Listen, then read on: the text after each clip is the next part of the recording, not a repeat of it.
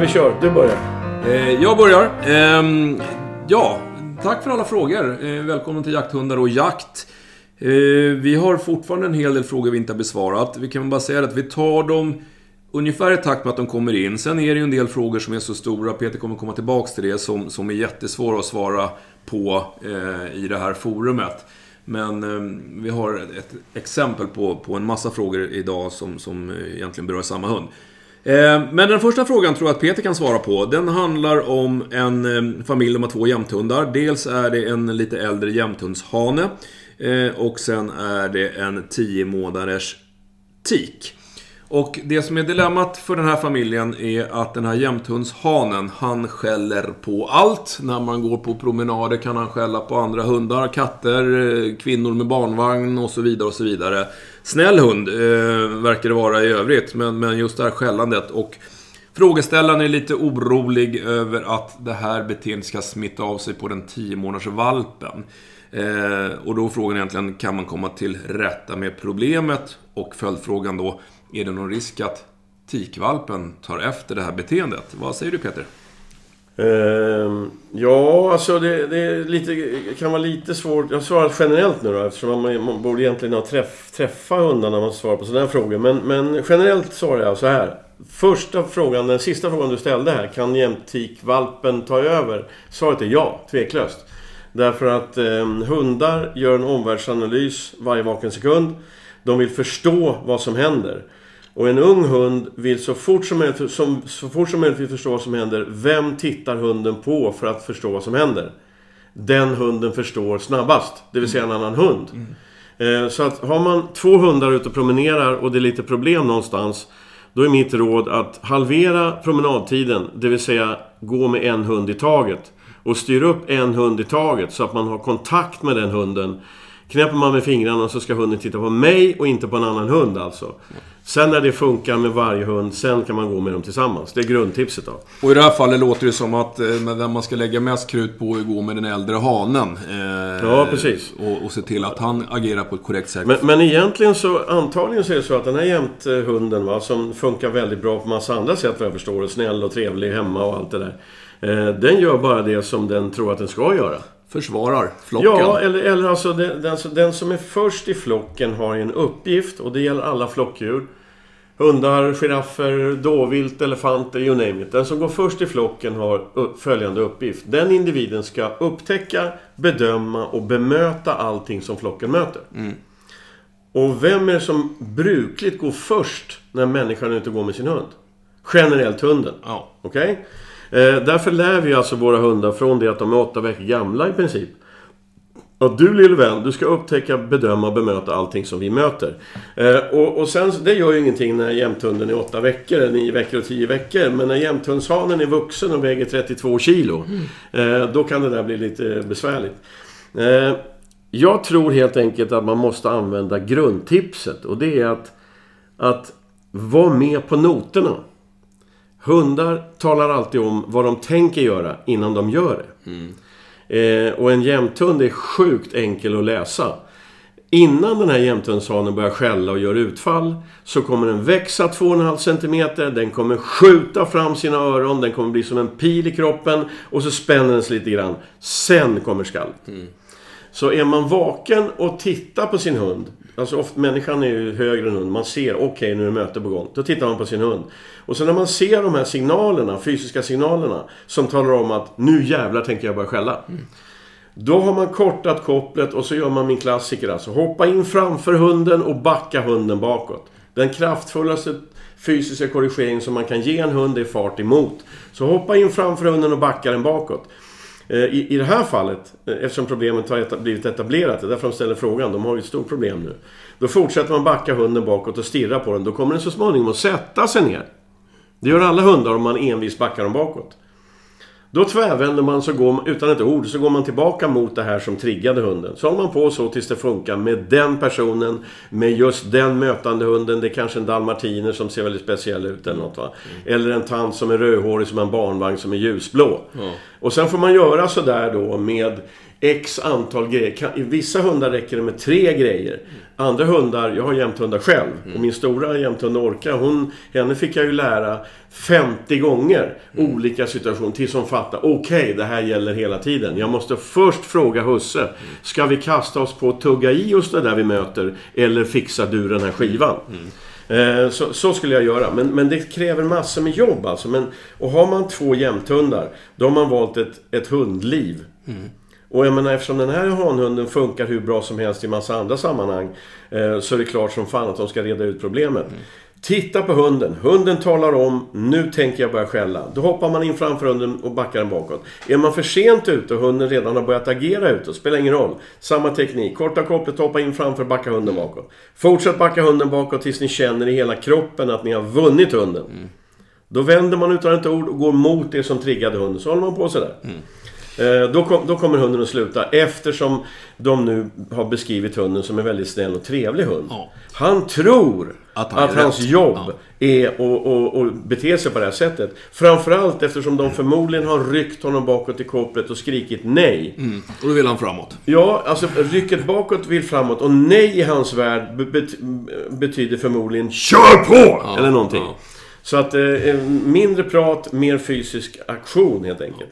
Och det här är ju, jag har faktiskt provat det här för jag har också haft de här problemen. Att eh, bara det här att eh, man kan ju inte träna ett sånt här kommando som gå bakom, men bara att man går först. eh, det- Gör man det så märker man att det här problemet minskar drastiskt. Det är, det är en ganska tacksam problematik därför att det går ju att träna på det. Man kan ju be grannen rulla ut en skramlig cykel och gå och möta en, eller man kan ta grannens ungar som kör en skrinda bakom sig. så man, man kan ju och- träna på visst, det. Men är man också eh, envis och gör det här några gånger. Så att man, för att det här handlar om människans motorik. Ja. För första gången man gör det här så är det som, en, som man skulle behöva en rullator till hjälp. Ja, därför man är ovan vid rörelsen. Men när man har gjort det några gånger, då börjar det bli kul alltså. För man märker att man får en effekt. Och sen ett tips till då. Jag, jag brukar ju tjata om det här med fart emot. Alltså vänd dig mot hunden och backa den bakåt. Men det är, det är en våldsam korrigering alltså. Mm. Ibland, i vissa lägen, så, så räcker det med att man bara hoppar in framför hunden och visar ryggen åt sin egen hund. Ja. Och kraften åt andra hållet istället. För då är det faktiskt jag som tar på mig uppgiften att upptäcka, bedöma bemöta allting som flocken möter. Om man dessutom kommunicerar mot det man möter. Till exempel om det är en annan hundägare. Hej, hej! Jag har en livsfarlig hund. Eller min tik löper. Eller akta dig. Eller hejar du också på Hammarby eller någonting. Spelar ingen roll vad man säger. Då ser min hund att jag kom, det är jag som kommunicerar utåt. För att eftersom hunden inte vet vilket fotbollslag jag håller på så, så är det som om jag skäller framåt eller agerar framåt. Ja, det. Det är som jag tjatar om det här. Hundar är enkla i huvudet. Det är bara ja och nej, svart och vitt alltså. Man kan inte argumentera med, med en hund. Jag måste berätta en historia nu mitt i alltihopa det här. Jag hade en kurs i Värmland här för något år sedan. Då kom det en tjej med en tysk jaktterrier som heter Rune. Eh, Den familjen har blivit väldigt goda vänner sedan dess. Eh, Skitschysst tjej och fantastiskt tyst terrier Rune. Rune var som en helikopter i snöret. Alltså på en riktigt bra tyst terrier helt enkelt. Alltså en, med en sån jävla motor som man ska kunna liksom värma upp hela Linköpings kommuns fjärrvärmenät med hans energi. Hur som helst. Hon, hon fick ingen ordning på Rune och skälet var att hon är lärare. Hon använde människopedagogik med en tysk terrier. Hon böjde sig ner och sa Men snälla Rune, du, man får inte göra så här därför att. Så det funkar inte med en tysk jaktterrier. Det funkar inte med någon hund, men framförallt inte med Rune. Utan det är pang på rödbetan. Ja, nej och ingenting annat. Eh, Så undvik män, människopedagogik. Tänk som en hund. Och eh, som med all annan träning, eh, jag vet att det här funkar, men man får vara ihärdig ibland. Som Peter sa, 50 gånger med orka, det kanske blir 100 gånger med den här jämten. Men, men det är så himla lätt att man efter ett tag tänker, eh, man slappnar av och sen så tillåter man lite grann och så är man tillbaks på ruta ett. Var konsekvent, gå in framför, pressa hunden bakåt om det behövs. Det kommer ge effekt. Visst, en grej till då. Det är att all, all följsamhet hos hunden, all lydnad hos hunden är färskvara. Eh, så är det ju. Och jag- du vet hur jaktsäsongen, vi, vi jagar ju som idioter alltså. Jag vet inte, hon har väl gått 100 dagar eller någonting. Ja. En av mina hundar har gått 100 dagar. Och det innebär ju att hon har blivit mer och mer, jag klarar mig själv. Tyst gubbe, det här fixar jag. Så att nu när jaktsäsongen är slut så måste jag hämta hem henne lite grann. Det märker man ju. Okej, vi går vidare. Ja, eh, jag har en, en, eh, en eh, berättelse ur sanna livet som eh, berör en fråga som vi har haft uppe tidigare men som har varit ganska relevant så här års, långt in på säsongen och det blir kallt ute. Och det är det här med nedkylning av våra jakthundar. Eh, för bara ett par veckor sedan så jagade jag nere i Småland. Vi hade eh, ett par inlånade hundförare. Uh, unga killar, jätteduktiga killar uh, med en vaktel respektive en eh, uh, tyskterrier. Och eh, hur det nu var så gick den här tyskterriern ner sig ute i en stor träskmark. Eh, ja, vi, det visste vi inte. Vi såg bara att den stannade på pejlen och den unga hussen försökte ta sig ut dit. Men det var inte lätt för långbenta människor att ta sig ut heller. För det var otroligt sankt och blött och djupt vatten. Så småningom, efter kanske 35-40 minuter, så kom han fram till tyskterriern som då satt nersjunken i ett eh, vattenhål med bara nosen ovanför ytan i princip. Och var rejält dålig. Eh, och det berodde på att den var rejält nerkyld. Så vi fick lite bråttom där. Nu hade vi tack och lov eh, inte mer än fem minuters bilväg till ett hus där vi har tillgång till dusch och eh, hunden kunde alltså inte stå. Den var eh, knappt kontaktbar. Eh, för det det handlar om, alltså hypotermi som nedkylning heter på fint språk, innebär ju att, att eh, kroppstemperaturen går ner och eh, med, med den, eh, så som funktionerna i kroppen regleras så, så, styr, så styrs allting om till att det gäller att hålla liv i hjärnan, det håller, gäller att hålla liv i hjärtat, allt annat får stå tillbaka. Så, så att vad vi gjorde var att vi tog in den här hunden, duschade den i ljummet vatten, inte varmt vatten. Och det är liksom inte bara att duscha den, utan den stod nog, eller låg i duschen till att börja med, stod upp så småningom i säkert 30 minuter. Ehm, och, och, samtidigt så tittar man under läppen på den och ser att den var ju kritvit eller väldigt blek när vi började, hur den här rosa färgen sakta kom tillbaka. Slemhinnorna ehm, Slemhinnorna, ja. Ehm, tandkött eller på insidan av läppen. Eh, när den var så pass eh, medveten och vaken så vi kände att nu är nog krisen över så, så var det liksom inte slut där. Utan då var det fram med ett gäng handdukar och sen sitta och frottera, frottera, frottera, frottera den här hunden är säkert 20-25 minuter till. För att stimulera blodcirkulationen och kroppstemperaturen. Eh, och, och, det här gick bra. Eh, så hunden eh, repade sig. Sen till den... Det här var en, en väldigt... Det var en... en eh, det gick bra den dagen. Det som var väldigt, väldigt tråkigt det var att den här hunden kom tillbaks nästa helg. Eh, och eh, blev då både sprättad och tuggad på av en gris. Så att den hade en rejäl sprättskada i ljumsken, eh, i armhålan. Och där kunde vi, som vi har pratat om förut, vi la tryckbandage. Eh, eh, kastade in hunden i bilen och åkte till närmsta djursjukhus som var öppet, för det visste vi vilket det var. Det hade vi kollat upp innan. Tyvärr så, så klarar inte den här hunden sig. Eh, den eh, avled efter några timmar på djursjukhuset. Sannolikt på grund av att den hade blivit biten över nacken. För den hade bitskador över nacken. Så det är möjligt att det fanns skador på, på eh, nackkotor eller någonting annat. Men, men ja, sensmoralen i det här är egentligen att, att trots att man ibland gör allting rätt, vi fick stopp på blödningen, vi hade koll på närmsta djursjukhus, så gick det inte bra. och man kan inte göra mer än så, men, men det var otroligt synd om den här unga killen vars, som var där med sin första jakthund. Eh, som dessutom var otroligt duktig. En liten söt tysk terriertik. Så att, eh, men, men som sagt, hypotermi så här års är... Det är inte en hund som går ner i kallt vatten. Och, och det gäller att agera snabbt för att det är livshotande. Det var en eh, märklig vändning. Jag trodde att ni skulle rädda livet på honom andra gången också. Nej, vi gjorde ju tyvärr inte det. Och det där, det...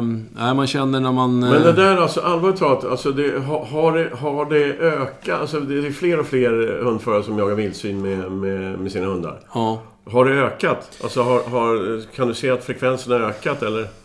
Alltså, ja, den här säsongen tycker jag att det har varit lite periodvis. Den sista månaden här nu, ja, december, januari, då har vi haft otroligt mycket fula vildsvinsskador på jobbet. Alltså riktigt fula. Eh, allvarliga. Och jag vet inte om det är... Eh, du har ju pratat en hel del om det här att eh, i början på säsongen så är det mycket skador och så tycker jag det har varit traditionellt sett. Lite otränade hundar, lite sämre vegetation eller svårare vegetation då. Men det känns som att en del marker där man har jagat hårt, eh, du har ju varit inne på det flera gånger, grisarna är smarta, de lär sig. Alltså, har de lyckats attackera en hund framgångsrikt en gång, då väljer de det ganska snabbt nästa gång. För det som varit gemensamt, tycker jag, för de fula skador vi har haft när man har pratat med hundföraren är att det har liksom fem ståndskall och sen har det smält. Eh, de, de, eh, de verkar agera väldigt snabbt. Och det kanske är för att de har jagats flera gånger under säsongen och liksom tagit sig det beteendet. Jag vet inte. Nej, men jag vet inte heller. Alltså, det, det, det brukar vara ganska mycket mer skador i slutet på säsongen eftersom eh, vildsvinen eh, automatiskt sparar energi. Alltså. De, Mm. de står ju bättre om det är kallare ute. Ja. Eh, De inte energi. Framförallt vuxna vildsvin då. Ja. Eh, Som har lite mer koll på läget som inte får panik. Men, men alltså... Eh, det där stämmer ju inte så bra i år för att vi har ju haft oktober månad ända till 31 januari Ja, i princip. Det har ja. varit plusgrader, det har inte varit frost en minut. Nej, men vi har ju klagat på det att de har gått loss ovanligt snabbt många gånger. Ja. Men, men alltså det där, det där är också, nu är vi inne på nördgrejer här, men alltså det tror jag delvis beror på att man på väldigt många ställen i södra Sverige jagar man vildsvin med hundar som har ganska dåligt förföljande. Ja. Alltså vildsvinen lär sig att jag springer en bit här bara så släpper hunden. Eh, För att när vi släpper till... Alltså din gråvakt eh, hänger inte i vansinnigt långt. Nej. Men det gör ju Orka. Ja. Och hon får ju alltid stopp på dem. Det kan ju vara två mil alltså, men det blir ju stopp. Ehm, och när det väl blir stopp då. Eh, då är det bo, bofa, alltså då är det verkligen Ja, det. riktigt stånd. Så att alltså, jag, jag tror vildsvin är dösmarta helt enkelt. Eh, och farliga på det sättet att om en, om en vuxet vildsvin lär sig hur man snabbast blir av med en påträngande tyskterrier. Då lär nog den grisen fortsätta med Ja, den men taktiken. det, man får den känslan alltså. För det, som sagt, det gick fort. Det var... Vi hörde ju knappt ens några ståndskall, utan det blev ju stopp på pejlen och sen så hittade vi hunden. Det var en... Ja, det var otäckt. Ja, ruggigt. Men Ja. alltså, vi får återkomma till det där med, med hur, hur vi tycker man ska göra för att undvika för mycket skador. Men inte nu. Nej, vi ska släppa in en fråga från Peter eh, om en finstövare som har många rätt men ett fel. Men innan vi gör det så tar vi en kort paus.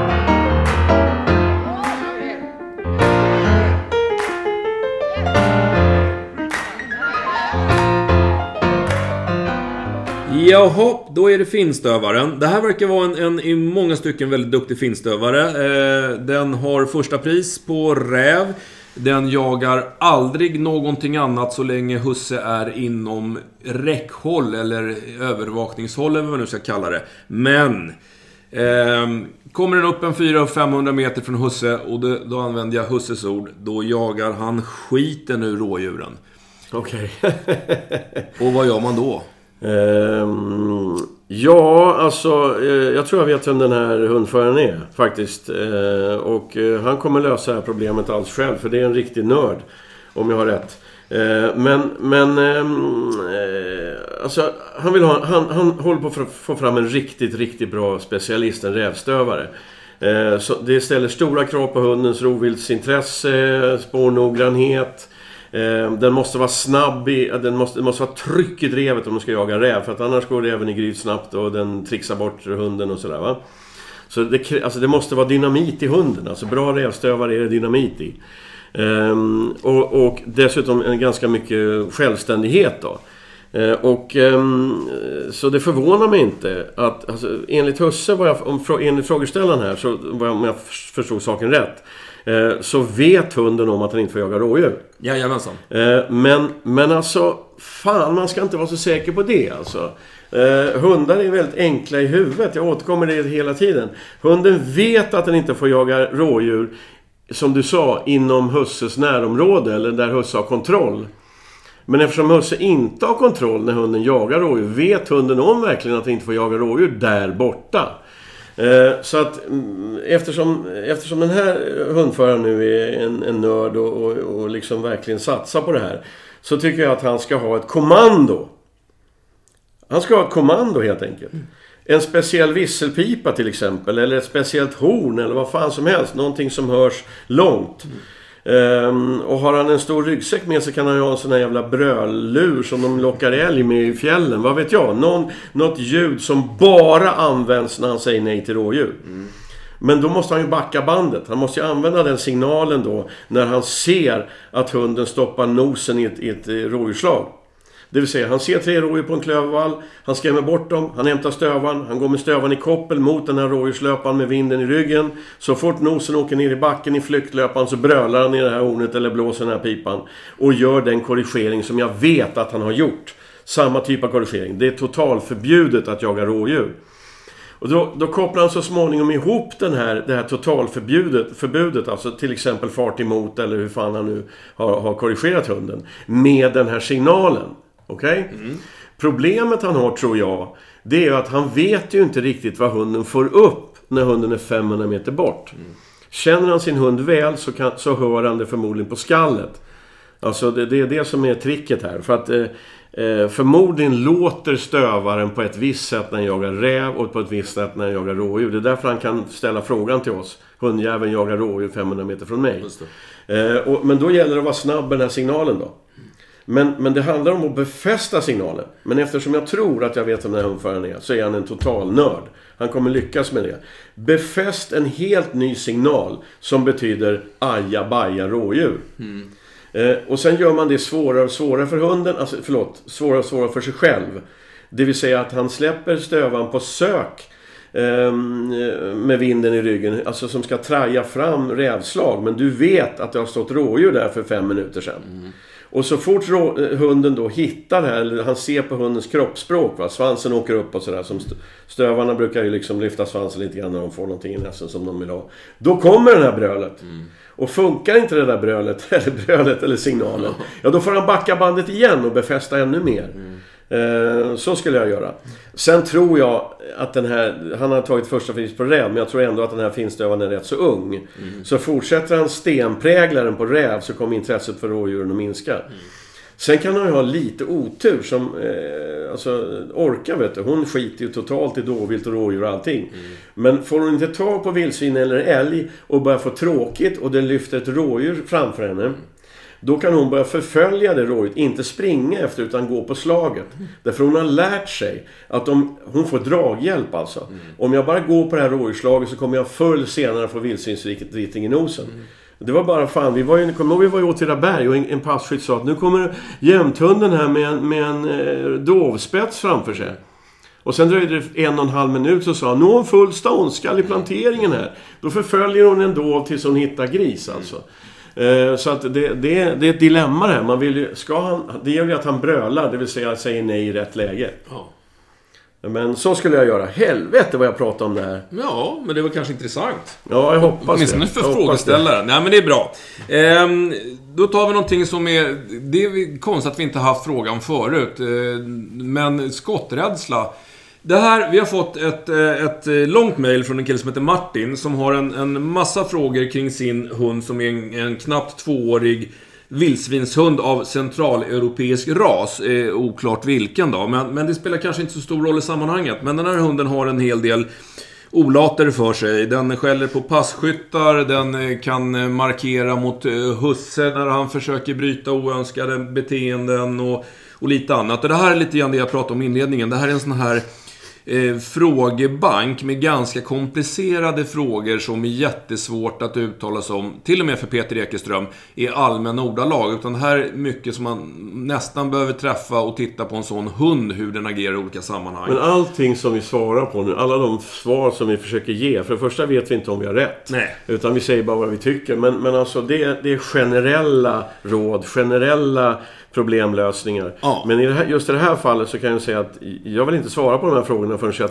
träffat den här hunden. Så Nej, det låter mycket som en individfråga. Ja, ja verkligen. Alltså. Och, Däremot så har han några delfrågor som ja. man skulle kunna ta. Och då har vi det här med skotträdsla som mm. vi faktiskt inte haft uppe på tapeten förut. Hunden är skotträdd. Ehm, och det där, jag kan ju inleda och prata lite för att det där är ju sån här som, har man haft ett antal jakthundar så har man jobbat med med den delen. Eh, mer eller mindre. För vissa hundar är ju, enligt min uppfattning i alla fall, Eh, alltså det finns inte ens någon skotträdsla. Man, man mm, skjuter på nära håll redan från start och de bryr sig inte. Jag vet inte om det är genetiskt eller någonting annat. Men, men har man en hund, alltså det, det traditionella klassiska sättet att förebygga skotträdsla, det är ju att man börjar träna hunden ung. Jag har kört mina hundar när de har varit liksom 3-4 månader. Eh, skickade iväg en kompis med en hagelbrakare, en studsare några hundra meter bort i skogen, lekt och busat med valpen. Eh, och så har han skjutit och sen naturligtvis vänder sig valpen om och tittar varifrån skottet kommer. Man bryr sig inte om det där, man fortsätter leka och busa och gör någonting liksom kul av det där. Och sen i takt med att man märker att eh, valpen inte är särskilt störd så flyttar sig skytten närmare och skjuter på närmare och närmare håll.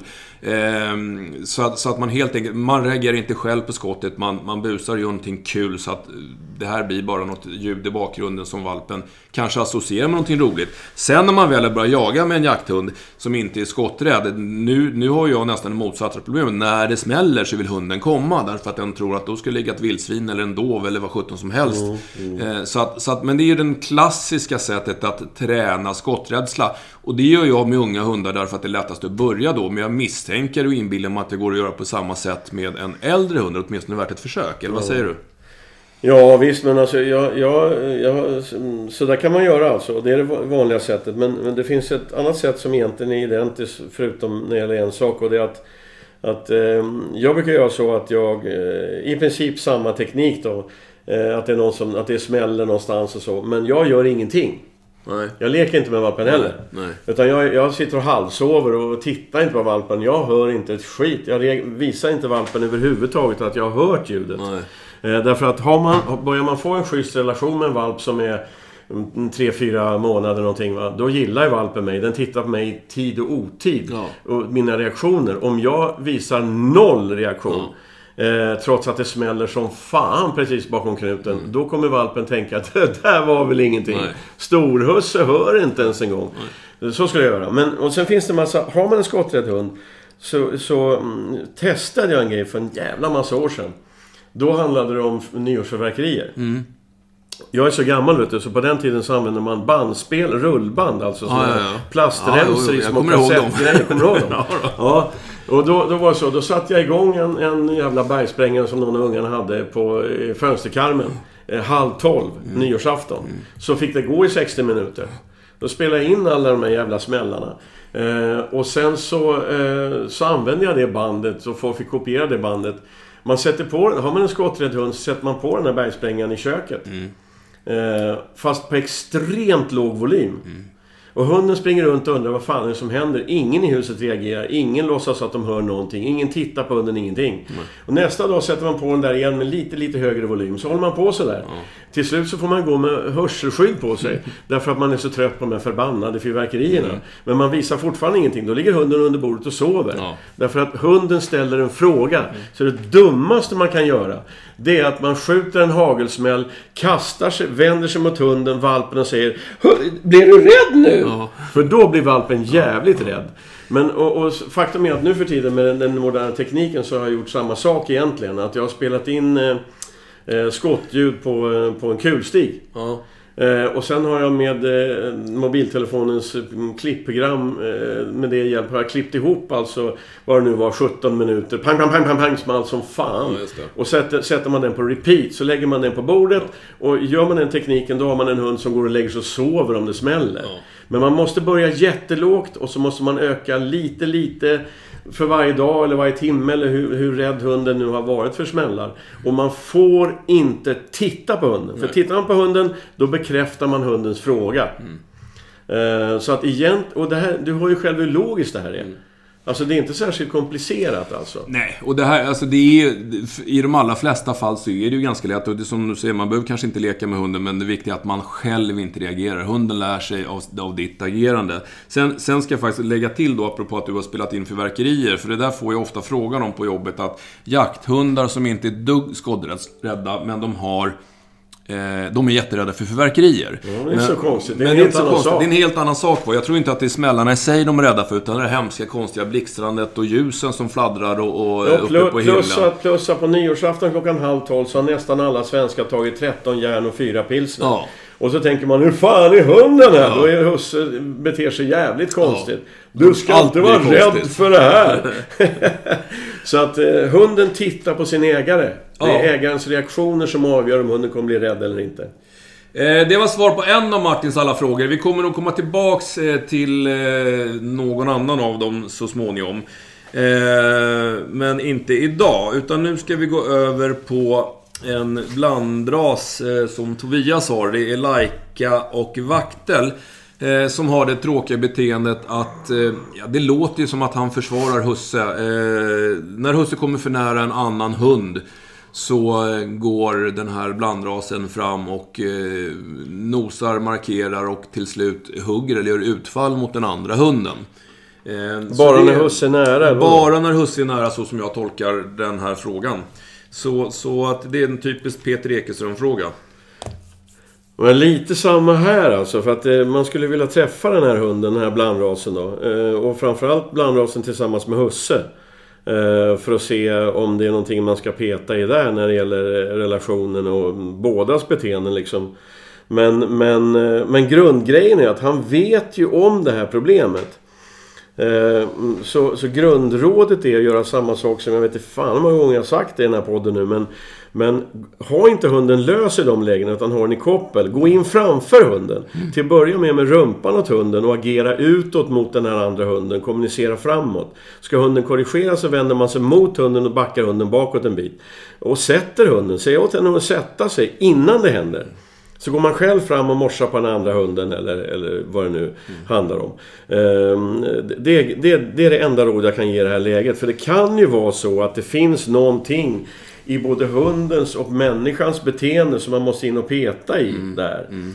Uh, för att det, det, är inte helt säkert att det handlar om om, eh, om att försvara husse. Utan det kan ju också vara så att hunden tror att det är så här jag måste göra när husse är i närheten. Mm. Att, att, det, att det liksom hunden tror att... Eh, eftersom husse kanske har kastat sig fram och, och liksom i, i, i tron att jag ska hindra hunden men, men det upplevs av hunden som en stöttning i situationen. Hunden blir rädd och ja, du vet, det finns så mycket... Men, men eh, vi hade ju, jag tror i förra avsnittet så hade vi en, en eh, ett, ett litet utlägg om en hund, en nobs tror jag det var, som inte ville skälla i skogen. Där vi pratade om det här att testa med en annan hundförare. Jag känner lite grann så här, det skulle vara intressant bara för att komma till rätta lite närmare vad är problemet. Om Beter sig hunden på samma sätt om det är någon annan som har gått med hunden som är i närheten eh, och de går fram till en hund. För att gör den inte det, ja då är ju problemet relaterat, alltså det är kopplat till den hussen. Men, men, men det är precis därför som jag menar att jag skulle träffa det här, det här ekipaget. För att det första jag skulle göra då det är att sätta någon av mina hundar en bit bort och själv ta den där hunden. Ja. Och se hur hälsar den här hunden ja. på andra hundar. För det kan ju också vara så att husse har i god tro liksom bromsat den här hunden för, för att han inte ska hälsa mm, på andra hundar mm. någonting. Och, och det här draget bakåt i kopplet kan ju triggat. Ja, alltså, ja. Så att det, det är skitsvårt att svara på. Men, men alltså eftersom, eftersom han hör av sig med problemet så är problemet etablerat. Han vill ha hjälp med det. Och första rådet är att gå in framför. Ja. Läs situationen och agera innan det händer. Mm. Styr upp hunden helt mm. enkelt med, med lydnad. Då. Uh, jag är ledsen, jag kan inte ge något mer Nej, men jag tror att det är ganska... Jag tror att det räcker. Och det är som du brukar säga flera gånger att, att eh, om du ändrar ditt beteende så ändrar hunden sitt beteende. Ja, och, och skulle det vara som så att den här hunden inte alls beter sig på samma sätt med en annan hundförare. Ja, då kanske husse bara ska prova med... Han har sänt några signaler. Hundar är otroligt signalkänsliga. Mm. Han har skickat några signaler som hunden har responderat på ja, på det här sättet. Visst. Och då får husse ändra sitt beteende. Jag hade en privatlektion igår med en tjej som hade en eh, retriever som hade gått ur hand kan man säga. Eller, eller så. Och det tog ju inte många minuter innan man insåg att det här var hundförarens krav på sig själv. Alltså eh, det måste gå bra liksom. Alltså det har låst sig i relationen för att hundföraren ville så otroligt mycket. Och, och ville lyckas själv med träningen ja, av hunden. Alltså. Så rådet där var ju bara att tagga ner för fan. Ja, alltså, bygg en gullig relation. Lägg det på golvet. Ge fan i att träna så mycket. Mm. Utan, alltså, så att, och, och, det där kan man ju inte säga. Då måste jag ju se ekipaget ja, först. Innan. Eh, så. Ja, äh, men, ja, nej, men eh, vi nöjer oss för idag. Det här är ju som vanligt eh, allt är... Men vänta nu. Är, är, vi uppe i tid redan? Ja, vi har pratat i 34 minuter ungefär. Men vad fan. Vi har massa frågor kvar. Vi får göra ett nytt avsnitt ganska snart. Det får vi göra. Om någon frågar oss.